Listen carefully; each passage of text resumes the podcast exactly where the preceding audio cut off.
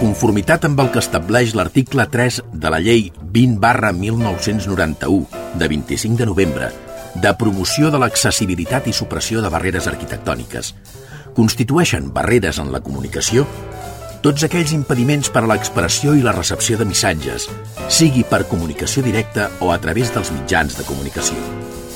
És per això que, emparant-nos en aquesta llei, volem que cada ciutadà gaudeixi del seu propi espai per moure's, un espai sense censura. Un espai en què vosaltres sigueu els protagonistes.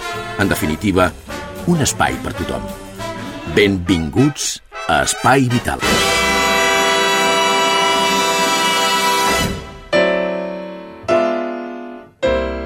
Senyores i senyors, què tal, com estan? Benvinguts, ben trobats, un dia més a un programa més.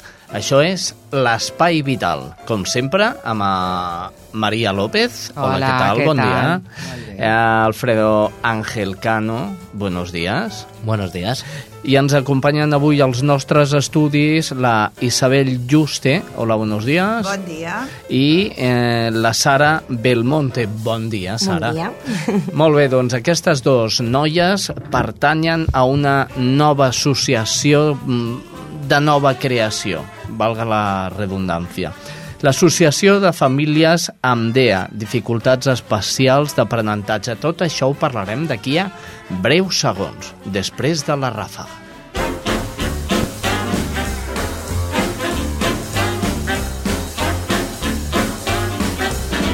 Espai Vital, el primer programa adaptat de les zones.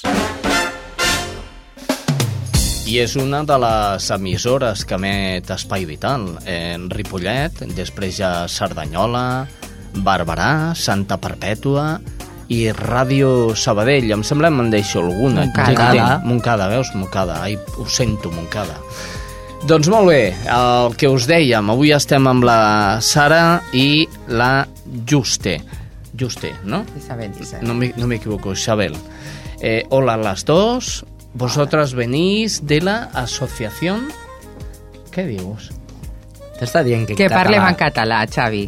Ai, ja ho sé, però és que a mi... mm, A mi no em surt parlar en català quan una persona parla en castellà. Però jo, jo faré, fa- faré la prova, faré la prova. L'Isabel és catalana i la... I la I Sara també. La Sara també. Doncs pues parleu-me el català Ja. i d'aquesta manera ens entenem millor, Sí, no? sí. Molt bé, sou de nova creació, l'Associació de Famílies amb DEA, dificultats específiques de- d'aprenentatge. Expliqueu-nos una mica més què és això del DEA. Uh, DEA, mm, com a associació, suposo que és això el que em Sí, demanes, sí, sí. DEA com a associació ha nascut d'una manera doncs, molt curiosa. Uh, jo tinc uh, nens als quals els hi faig reeducació, que sempre dic als meus nens, i també doncs, la Sara, a la qual doncs, vaig començar a fer un tractament de coaching, i, bueno, amb una teràpia cognitiva conductual, perquè ella, que és la presidenta, està afectada per TDAH, i llavors, arrel d'aquestes famílies que tenen els seus fills amb dificultats, de la Sara i la seva família, la qual està molt implicada, doncs bé, mmm, vaig llançar la idea que feia molt de temps que portava al cap de fer una associació. I la idea és perquè jo he vist durant els meus 32 anys a l'escola concertada com a professora, tutora, orientadora, cap d'estudis, etc. He vist, i ara en la, el tema de la reeducació, com pateixen les famílies he, he viscut amb ells aquesta angoixa, però també he viscut, i concretament amb aquestes que ens hem reunit, mm, doncs eh, l'èxit que estem tenint amb els seus fills, que reeixim en la tasca de, de, bueno, de que millorin els estudis, la seva autoestima, la conducta eh, i tots els símptomes que tenen doncs estan millorant. I de veure doncs mm, passar de l'angoixa a bueno, estar supercontents i feliços i que veuen que les coses van bé i que ens en sortim, doncs els hi vaig proposar i van pensar "Mm, mira, sí, ho hem de fer perquè si nosaltres hem tingut la sort de poder tirar endavant, nosaltres ara volem ajudar a altres pares i altres famílies. I és així com un bon dia jo, mm, clar, com que estic en contacte amb totes, ens vam reunir. un dia 14 de setembre, i aquell mateix dia ens vam constituir en associació. La Sara és la presidenta de l'associació, eh, té eh, síndrome de TDA, que és dèficit d'atenció, hiperactivitat. Eh, Sara, mm, i tu per què? Mm, Vas dir, pues yo voy a ser la presidenta y voy a montar Bueno. la asociación. I Bueno. Muntaré l'associació. És que he parlat en castellà, ho sento, Maria. Això de vull ser la presidenta no va ser així del tot. Ah, no sé, no sé, no sé. No, el que passa és que havia quatre famílies i com que jo era l'única afectada en aquell moment dels que havíem allà, Sí. doncs em van mirar una mica i jo vaig dir, bueno, m'ha tocat. Quin millor que jo per, per fer-ho? Mm, com que sóc TDAH, eh, jo ho entenc molt millor que potser els pares, que ja ho entenen, però jo ho entenc perquè ho visc. I vaig decidir, vinga, va, ja ho faré jo perquè mm, demà donava una mica de por als, als, als restes dels membres, no? I vaig ser jo la- l'escollida. Molt bé. I malalties, que trastorns. Trastorns, Que- millor. No, no, no volem fer com malalties, volem denominar-los trastorns. Trastorns, doncs, quins tipus de trastorns més us trobeu a l'associació? El TDAH, eh, Sí. que és trastorn per dèficit d'atenció amb hiperactivitat, Mhm. que pot ser amb o sense hiperactivitat. Eh, després eh, tenim la dislèxia, Sí. que normalment va juntament amb el TDAH. I, bueno, en aquest moment són els dos més preocupants que tenim. Mm. Després hi ha altre tipus de, de trastorns, eh, com el TAN, que és el Trastorn. trastorn oh, ara no me'n recordo no verbal. no verbal eh, discalcúlia, persones que es, els hi costen les matemàtiques, els hi costa calcular els diners, per exemple, eh, poden anar a comprar i no saben el, mm, no saben el, els diners que, que han de pagar, si, si, si els tornen bé els diners, eh, una mica així, Isabel ja ho explicarà una mica millor. Síndrome d'Asperger, que és una mica de insociabilitat, és, és un derivat de, de, De sí, de l'autisme. Uh, després ja, bueno, és que és un munt. Bueno, hi ha un ventall munt. molt Sí, ampli. ha un I una pregunta, des de que heu començat a l'associació, de quina manera contacteu amb les famílies o contacten amb vosaltres o feu xerrades, no sé. Sí, xerrades. Sí, doncs mira, eh, ens vam organitzar molt bé i vam, de, bueno, vam contactar primer de tot, i això ho hem de dir aquí perquè ho senti tothom i ho sentin ells, amb l'Ajuntament, amb Benestar Social, que fins i tot, bueno, una mica van ser ells que, que per... Us van acollir. Sí, sí, i a més a més perquè un coneixia l'altre, perquè quan vam anar a portar els papers per eh, formalitzar l'associació i totes aquestes coses, bueno, doncs ens ha vingut tot com rodat. Llavors, el que vam fer, primer de tot, un, mm, per això vull puntualitzar de famílies, no de nens ni de, de famílies, uh -huh. perquè tots els membres de la família col·laboren i un dels nois, dels germans d'un nen afectat, doncs ens ha fet un blog hem fet el blog, anem penjant coses, un bon dia doncs vam fer un escrit, el vam penjar perquè no ens va ni donar temps a posar-ho al tot Cerdanyola ni a Cerdanyola al dia, sí que ho vam comentar, però ja estava tancat, papers enganxats. Uh, va ser justament la fira, uh -huh. la, el mercat medieval, bueno, tot tal, total, que en res es va organitzar una presentació a l'Ateneu. No teníem sala, ens la van proporcionar de pressa i corrents, ens va quedar superpetita, ens va sorprendre perquè eh, teníem 80 persones allà davant dretes perquè no cabien més.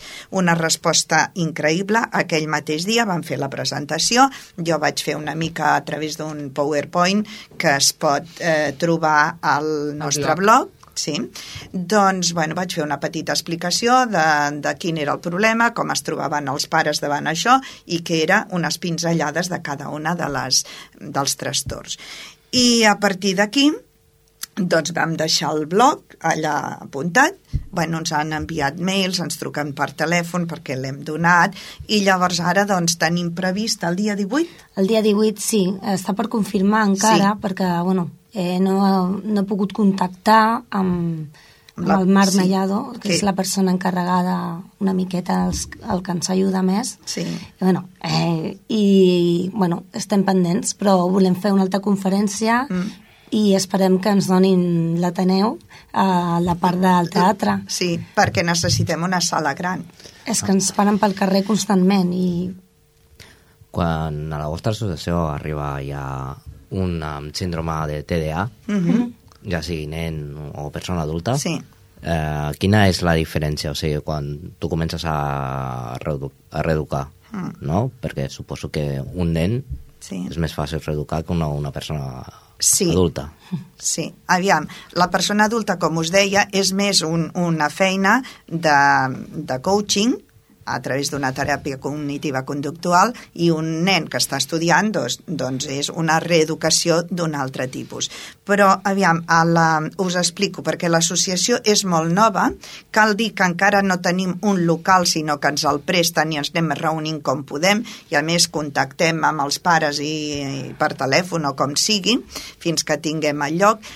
Primer de tot, l'associació ha nascut amb, un, amb unes ganes de recolzar les famílies.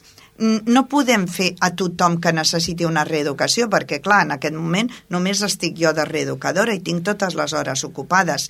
Això sí, que tenim la intenció de fer, de formar reeducadors a Cerdanyola, a través de cursos i de formació perquè mm, això pugui arribar a més persones. Però bàsicament és orientar la nostra tasca. Mm, sí, eh, si, per exemple, hi ha un pare que no sap, una mare que no sap què fer, doncs mira, pots anar aquí, pots contactar amb aquesta persona, mira, mm, aquesta és la qüestió. I a més a més, eh, tenim intenció de fer xerrades, eh, el que es diu cafè de pares, que és reunir-se... I compartir, sí, i compartir que és molt important. Sí, la no? teràpia de grup. Vale? Això ho, ho posarem en marxa. I després ja, fins i tot de cara, ja ho tenim gairebé mm, concertat, de cara a vacances i després hi ha una persona, que és la Helena O'Callaghan, que és la, la presidenta de TDA Catalunya, i llavors ella fa uns cursos molt interessants de coaching per pares, per nens de diverses edats i per avis. I això vindran aquí a fer-ho, perquè normalment ells ho fan com a cursos, formació que tu vas. No, no, i ho farem aquí. És a dir, que eh, farem molt moviment perquè eh, els nanos vagin millorant, tinguin eines, els pares també.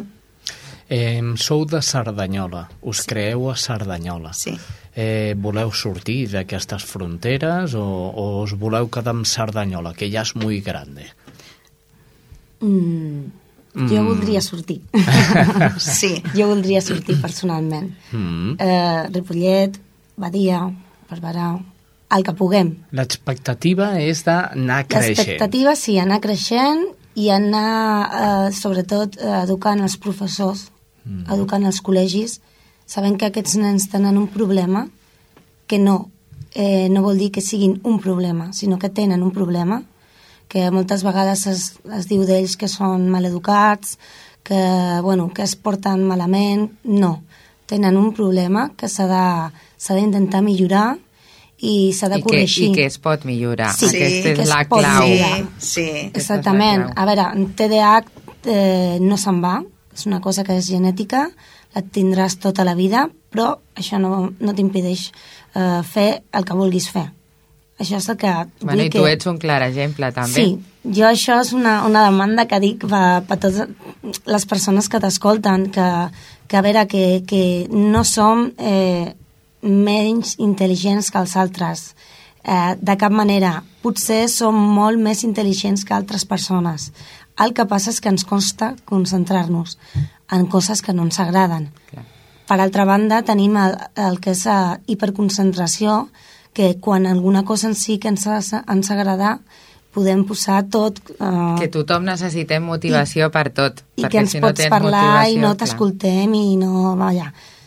O sigui que Mhm. això és una mica animar a que amb una bona reeducació i una bona medicació es pot anar endavant.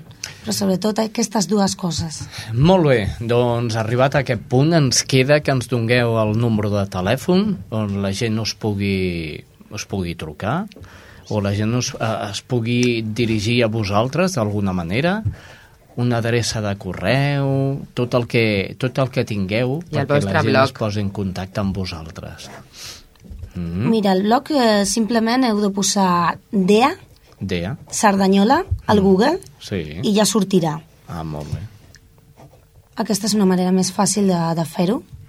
Eh, I el vostre telèfon? després, el meu telèfon... Dono el meu, Isabel? O... Sí, pots donar els el, dos. El meu és eh, 627 6, 86 0098. En repeteix-lo? 626 86 0098. Molt bé. Després tinc la meva adreça personal, que és sara barra baixa dea Mm arroba hotmail.es.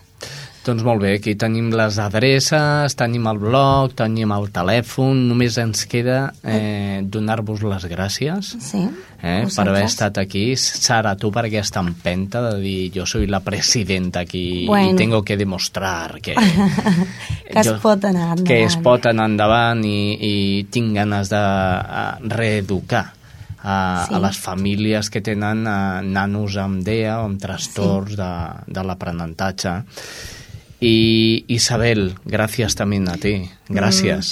De res, a vosaltres perquè ens feu aquesta difusió, ens feu el favor de que ens coneguin i sobretot que feu el favor a les persones que ho necessiten, que ho estan passant molt malament. Doncs moltes gràcies a les dues i bon dia. A Bon vostès. dia, Adéu, bon dia. gràcies. Gràcies. I tu? Des d'on ens escoltes?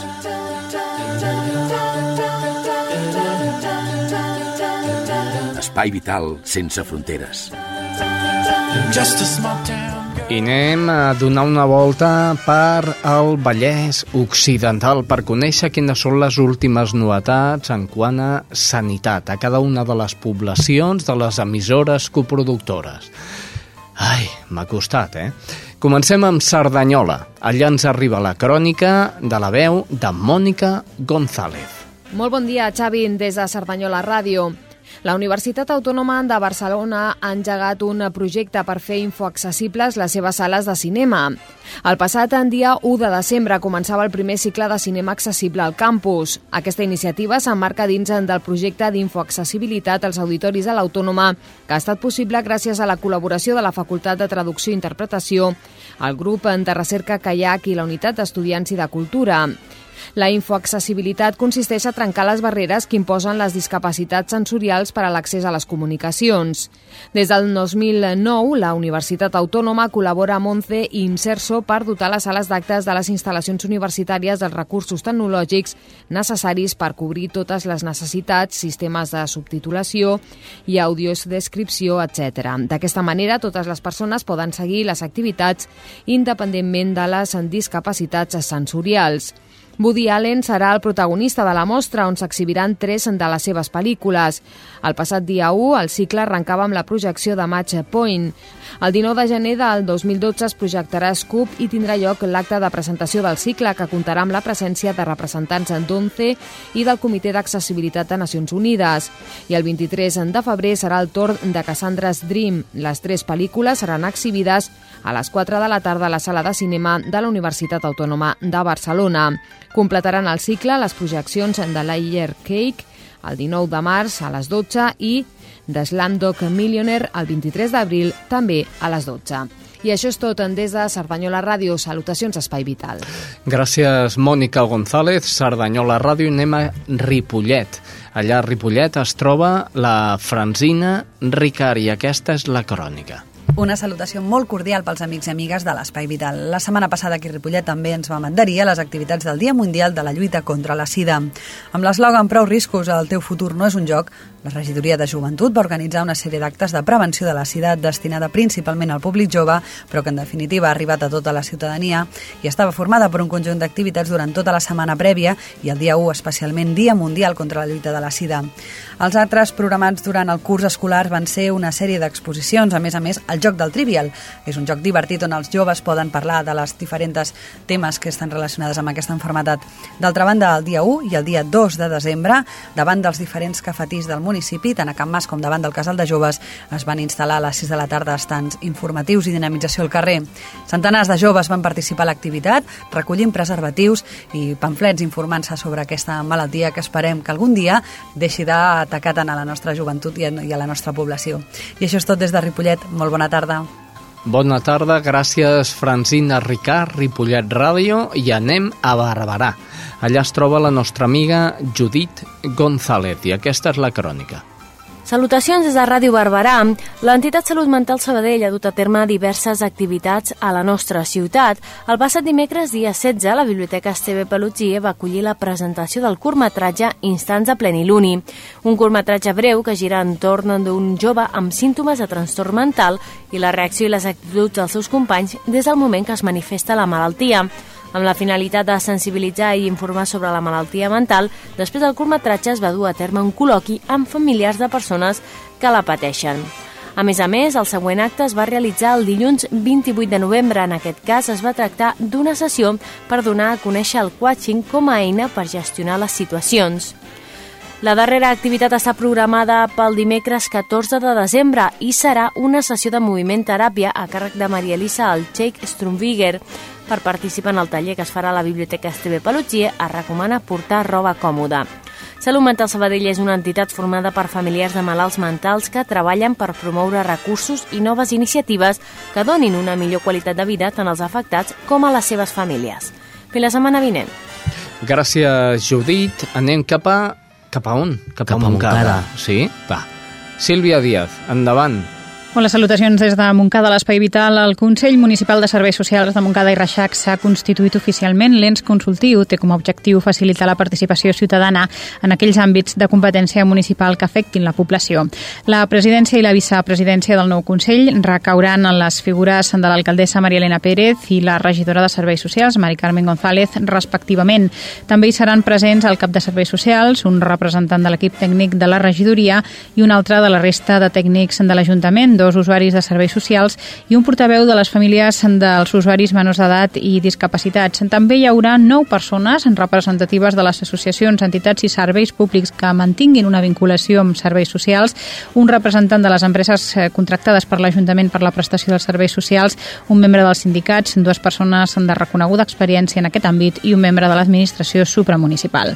El Consell tindrà un caràcter consultiu i d'assessorament i es reunirà un mínim de dos cops l'any.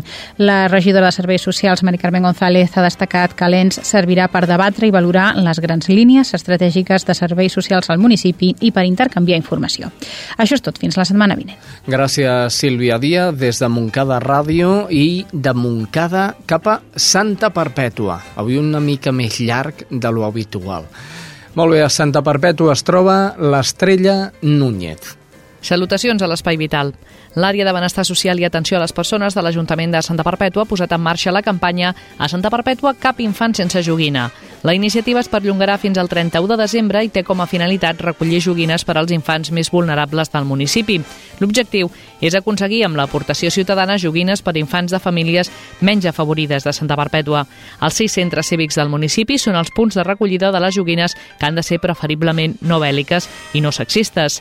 El regidor de Serveis Socials, Francesc Rodríguez, ha explicat explicat que l'Ajuntament de Santa Perpètua ha optat per aquesta campanya de recollida de joguines perquè enguany no hi ha conveni amb Creu Roja, que tradicionalment duia a terme aquesta campanya al nostre municipi. Rodríguez ha lamentat que l'anterior govern no hagués signat aquest conveni. La campanya Santa Perpètua Cap Infant sense joguina té l'objectiu d'arribar a tots els infants que es tracten a l'àrea de benestar social i atenció a les persones de l'Ajuntament.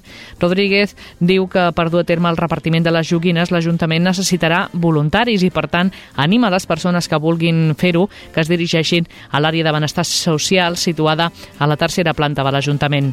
Fins al 31 de desembre es pot participar en la campanya de recollida de joguines per als infants menys afavorits de Santa Perpètua. Les aportacions es poden fer als centres cívics de la localitat. Això és tot des de Santa Perpètua. Fins al proper programa. Bon dia, eh, Estrella Núñez i hola Núria Brugués des de Ràdio Sabadell. Salutacions des de Sabadell. La ciutat s'ha sumat aquesta setmana a la celebració del Dia Mundial de la Sida, que aquest any s'ha centrat en el 30è aniversari del primer diagnòstic d'un cas a Catalunya. A Sabadell la infecció per VIH no es redueix. Encara avui se'n detecten més d'una vintena de casos anuals. Des de l'inici del registre, l'any 1981 fins al 2010, s'han notificat 371 casos de sida. A partir de l'any 96, amb la millora dels tractaments farmacològics, es redueix molt el nombre de casos, però el 60% de pacients han mort.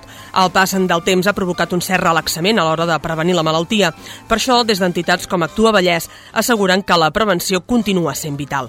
També apunten que un dels perills actuals és que hi hagi gent infectada sense saber-ho. Es calcula que són unes 7.000 persones a Catalunya.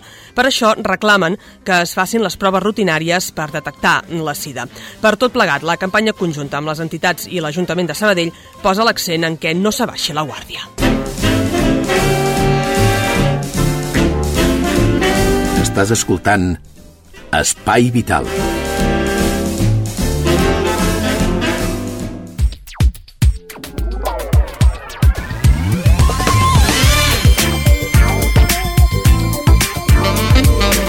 Ara fa uns dies eh, em vaig passar per al Teatre Auditori de Ripollet i vaig tenir el gran plaer de veure, escoltar i conèixer el director de l'obra que es feia en aquell moment.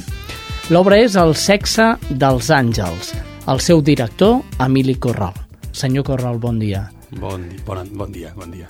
Com una persona jove com tu, Emili, eh, has volgut fer eh, una obra amb una temàtica d'aquestes característiques?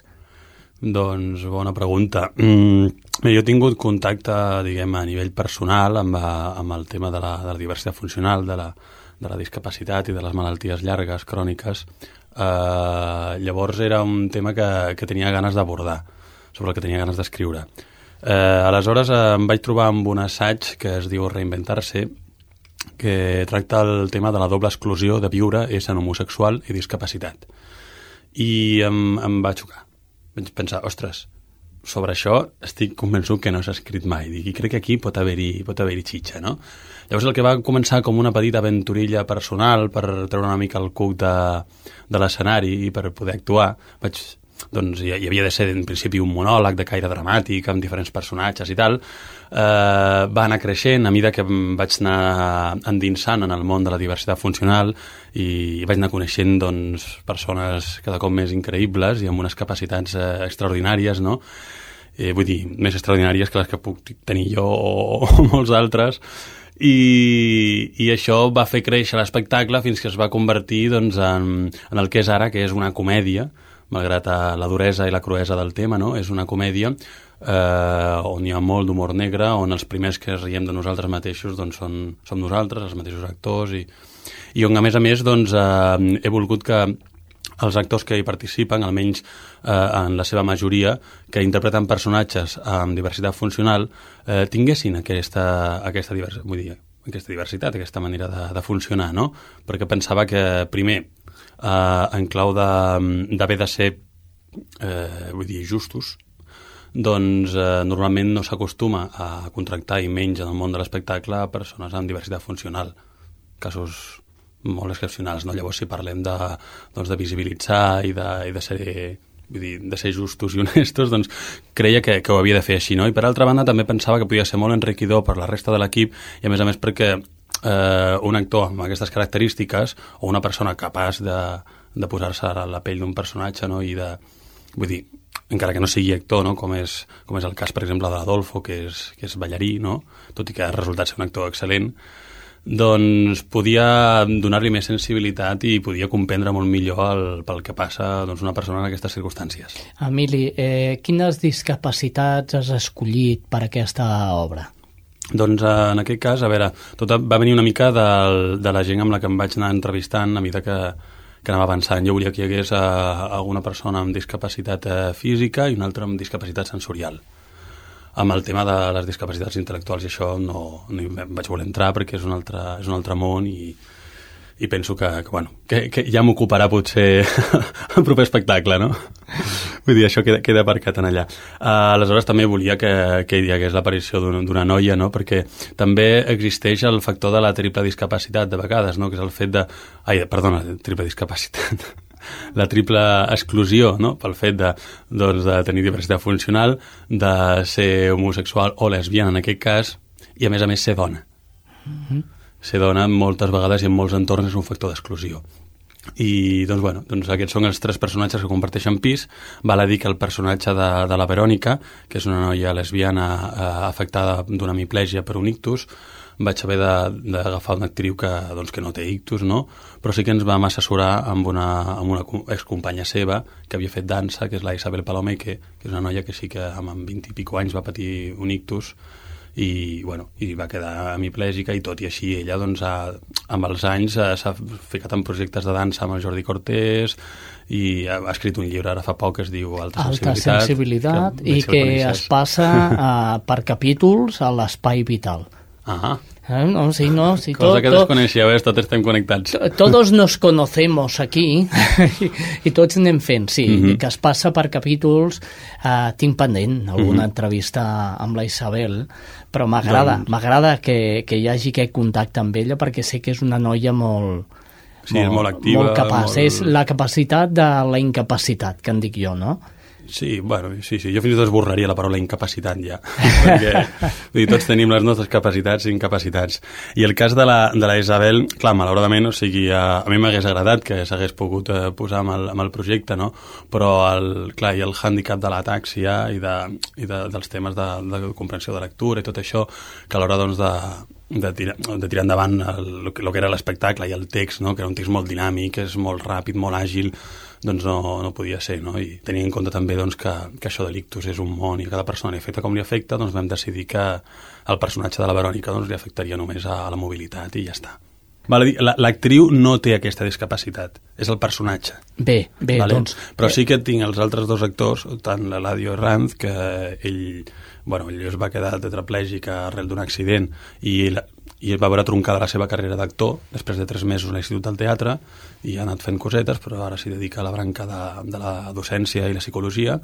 I l'Adolfo Colmenares, que malgrat doncs, va, es va quedar quasi sec, vull dir, va tenir una deficiència visual greu eh, i el seu món era la dansa, l'ha pogut recuperar i ha pogut seguir ballant la resta... Aprofito, sé que no contesto la teva pregunta, eh, però ja que no, estic parlant no, de tots endavant, ells... No, endavant, endavant. Vull, vull, vull parlar una mica de la importància de tot l'equip, realment, no? Mm -hmm. perquè, eh, perquè si no hagués estat, per exemple, per la Montplans, que, que de seguida que li vaig ensenyar el projecte doncs, eh, li va sortir la seva vessant solidària, no? que no, no acostuma a anar, a anar dient por ahí ni anar ni anar-se avantant d'això, però és una persona molt, molt sensible a aquests temes, no?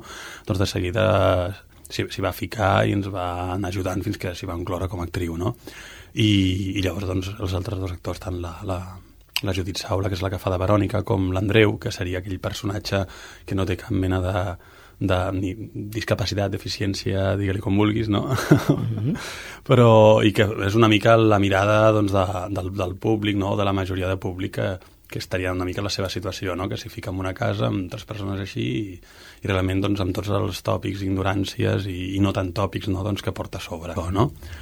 I, i per l'Eladio ha estat un repte molt important perquè ell, clar, vull dir, ell, ell té el seu handicap, no? ell realment no, no té mm, o sigui, ell, ell no, no té mm, para, paraplègia, que seria el que dius tu, no? doncs, a, que afectat de mèdula de cintura en avall, sinó que ell està afectat de tot el cos aleshores la seva mobilitat també amb les, amb les mans, amb el cos reduïda, vull dir, té, té les seves petites particularitats i de vegades ens hem trobat no, amb, amb, alguna, en algun moment a escena doncs, que, o que ha patit un espasme i s'ha quedat allà estirat al sofà però sempre ho resolem bé vull dir, perquè ja tothom sabem com funcionem no? Feu una pinya Sí, sí, perquè això ja ho deu saber, vull dir, i, i això ja ho dic de, en obert a les persones que no, que no tenen tant contacte amb el món de la diversitat funcional, que, que cada persona és un món, vull dir, cada discapacitat o cada deficiència és particular i cadascú té les seves necessitats, no? Vull dir que això, sí, acostumem a englobar perquè als humans ens agrada molt posar etiquetes, no? O sigui, negro, blanco, amarillo, rojo, però, però no, no és tan així. Després cada persona és, bueno, és, és així, no? Llavors ha estat un treball molt enriquidor, ens hem enriquit molt tots, ens hem conegut molt i és que ens oblidem, vull dir, d'això, o sigui, cadascú és com és, no, no tenim ja una mirada de ai, pobret aquest que està així o aixà, perquè trobem que precisament és contra això, contra el que hem de lluitar, no? Eh, sí, quan se surt a escena, però abans hi ha hagut un treball previ molt dur, suposo perquè les persones que estan sobre de l'escena mm. eh, s'aprenguin tots els moviments, eh, la persona, el, el que ser, qui va amb el bastó, ha de saber on estan les coses. Suposo que això mm. hi ha un treball previ de preparació a l'hora de sortir a escena.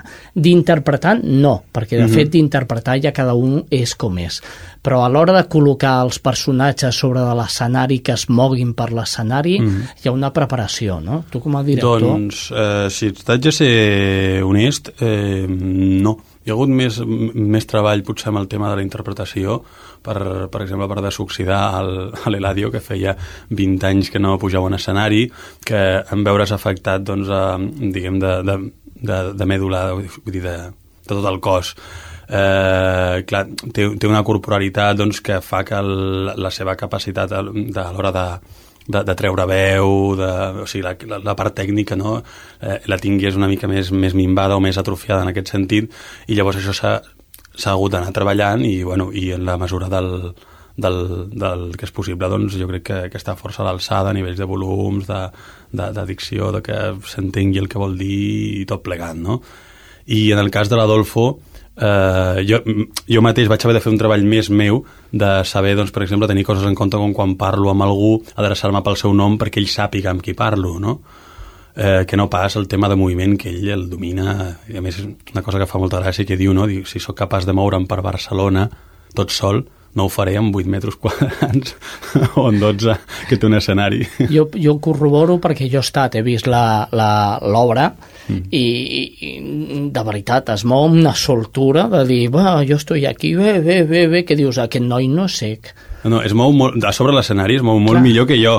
Però que... Jo quan el veig, i, clar, perquè és ballarí, vull dir, el control que té ell del seu cos, el, el sí. saber on és a cada lloc, vull dir, jo faig quatre voltes i per molt que m'hi vegi, acabo, acabo sec fent, l'acudit, no? Però acabo allò marejat i on estoy? el sexe dels àngels. Per què aquest nom?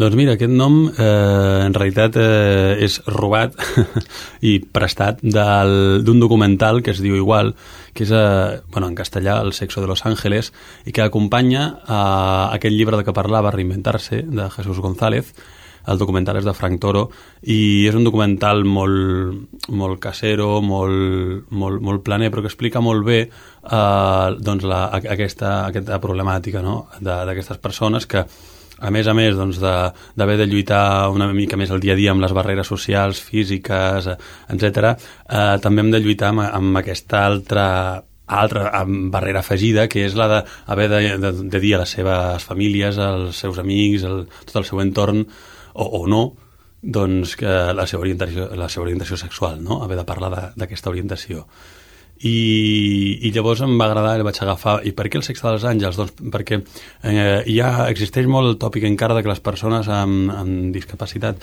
Eh, Sí, veus com ho veus, dius també, sí, discapacitat, jo dic, és que no? ho has dit tu, que no m'agradava. Sí. Jo dic que, bueno, que hem d'anar veient... O sigui, que hauríem d'anar traient paraules que, però, bueno, o sigui però eh, al final eh, ens acabem perdent molt amb, amb aquestes eh, coses més dialèctiques i discursives sobre com s'han d'anomenar, sí, no? com no, com tal.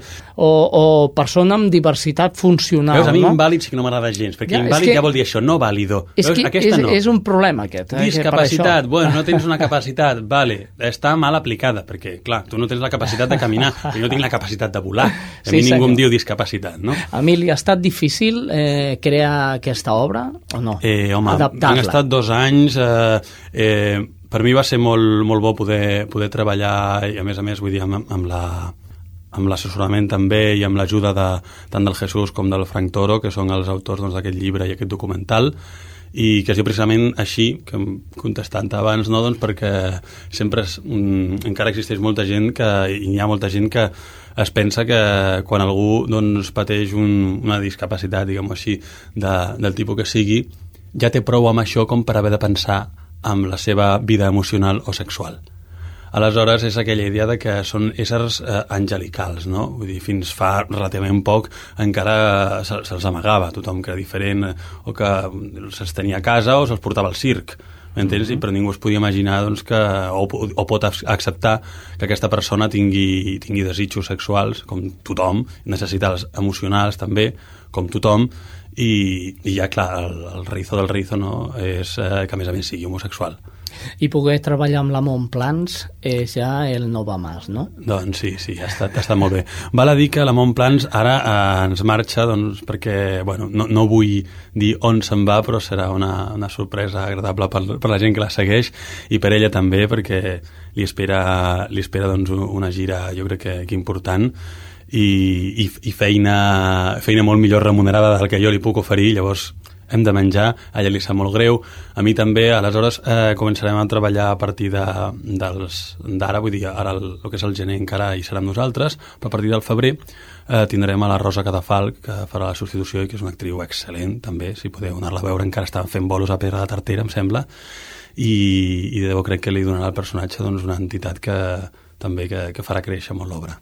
Una obra que, com deia, eh, s'ha fet a, s'ha representat al Teatre mm -hmm. Auditori de Ripollet, però que té d'altres escenaris que sí. a partir d'ara i en endavant eh, la podreu anar a veure i, i us asseguro que val la pena. Mm -hmm. De fet, eh, sí, aquesta obra no hauria estat possible sense primer el recolzament a, doncs, en espècies i econòmic del Centre de Escèniques de Terrassa, on es va estrenar el Teatre Alegria al febrer, també amb, amb l'ajut de, de l'Estruc de Sabadell, on vam fer residència i també vam poder veure l'obra, de les poques vegades que a més a més tenien el teatre ple, de gom a gom, mm -hmm. vull dir, es van quedar les localitats exaurides a quatre dies abans de començar, de començar l'espectacle, i doncs després hem estat a Artesa de Lleida, eh, hem estat a Ripollet, a Sant Andreu de la Barca i a Lliçà d'Amunt aquest passat diumenge, Mm -hmm.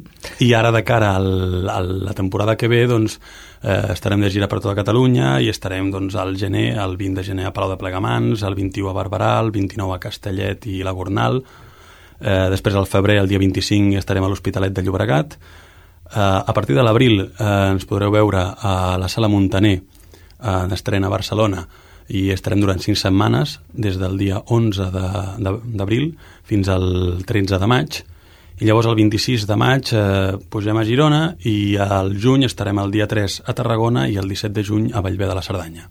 Molt bé, ara et faré una pregunta que, que a lo millor riem... apuntar-lo todo, si no entreu al Facebook, no? I, perquè si us han recordar de les dates, es busqueu la, el sexe dels àngels. I... La pregunta que et vull fer, eh? Sí. ja hem parlat de l'obra, hem parlat de, de teatre auditori, que hem parlat de les zones on aneu. La meva pregunta, mm, ja per anar acabant aquesta entrevista, és, Emili, eh, l'obra, eh, quan, quan l'heu de representar, l'escenari suposo que ha d'estar totalment adaptat, no? Vull dir, l'entrada a l'escenari, la sortida, la, els accessos a escenari, suposo que això t'ho miraràs molt. Sí, a veure, un requisit que demanem són unes mides eh, mínimes, sobretot de caixes, dels, el que seria l'extraescena, on, on els actors doncs, puguin canviar-se, puguin entrar, sortir, però val a dir que ens trobem de tot. Vull dir, he tingut la, la grata sorpresa de trobar-me, sobretot amb els teatres més moderns, que tenen elevadors per pujar a l'escenari, vull dir, cadires de rodes, cosa que jo em pensava que ni existia perquè realment fins fa relativament poc a ningú se li acudiria pensar que algú amb cadira de rodes podia pujar a un escenari. Esclar, aleshores, és, eh, però sí, i això doncs, ens ha facilitat la feina. Eh, D'altres llocs doncs, on, on el teatre potser doncs, és més antic, no està ben adaptat i tal, també ens hem trobat i hem hagut doncs, de pujar les escales de rigor a pes, amb la cadira i tal, però un cop a sobre l'escenari doncs, ja està, llavors ens movem bé i, i no, no hi ha cap problema. Molt bé, que serveixi eh, aquesta obra de teatre que triomfarà per a tot el món, ja t'ho dic jo, Emili, eh, perquè la gent que encara no tingui els, els escenaris adaptats, amb les mides oportunes, amb els elevadors concrets per poder pujar a escena i tot, que ho arreglin i que sigui gràcies a l'Emili Corral, el director del sexe dels àngels. Gràcies per haver estat avui aquí, a l'Espai Vital, i moltíssima sort. A tu, gràcies.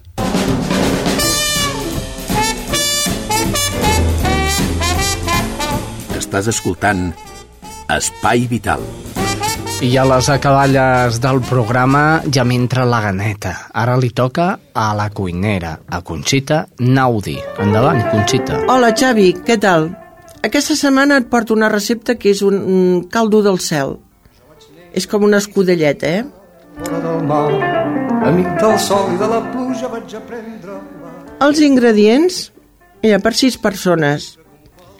Es necessiten mig quilo de patates, 150 grams de bacallà de salat, 6 ous, dos tomaquets secs, una nyora, una ceba, oli d'oliva, sal i pebre vermell.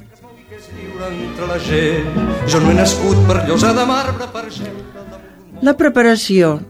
Mireu, heu de posar un oll al foc amb 6 tasses d'aigua, la ceba trossejada i un rajolí d'oli i es deixa bullir uns 10 minuts. Seguidament eh, s'hi posen les patates tallades i el bacallà i també els tomaquets secs, la nyora i una mica de pebre vermell i la sal, la que vosaltres creieu convenient, eh? Tot això deixem que bulli fins que veieu que les patates estan cuites. Llavors s'hi tiren els ous al caldo i es deixen coure fins que hagin quallat. S'ha de servir ben calent. L'home mira el cel amb una sensació d'admiració, ànsies de conèixer i dominar aquesta immensitat. Són sentiments provocats per un firmament que ens resulta desconegut. Us desitjo bon profit i fins la setmana que ve.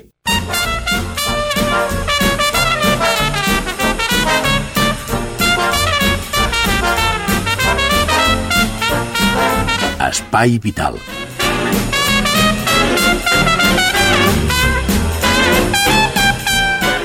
Molt bé, doncs acabem aquí el programa avui i ho fem amb aquests compassos que en aquests moments està sonant.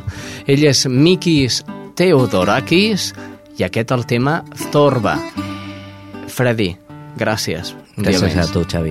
La Maria López, que hi ha hagut de marxar per anar a buscar els nens, i Jordi Puy, els controls tècnics. En nom de tots ells, els ha parlat Xavi Casas. Fins la setmana vinent.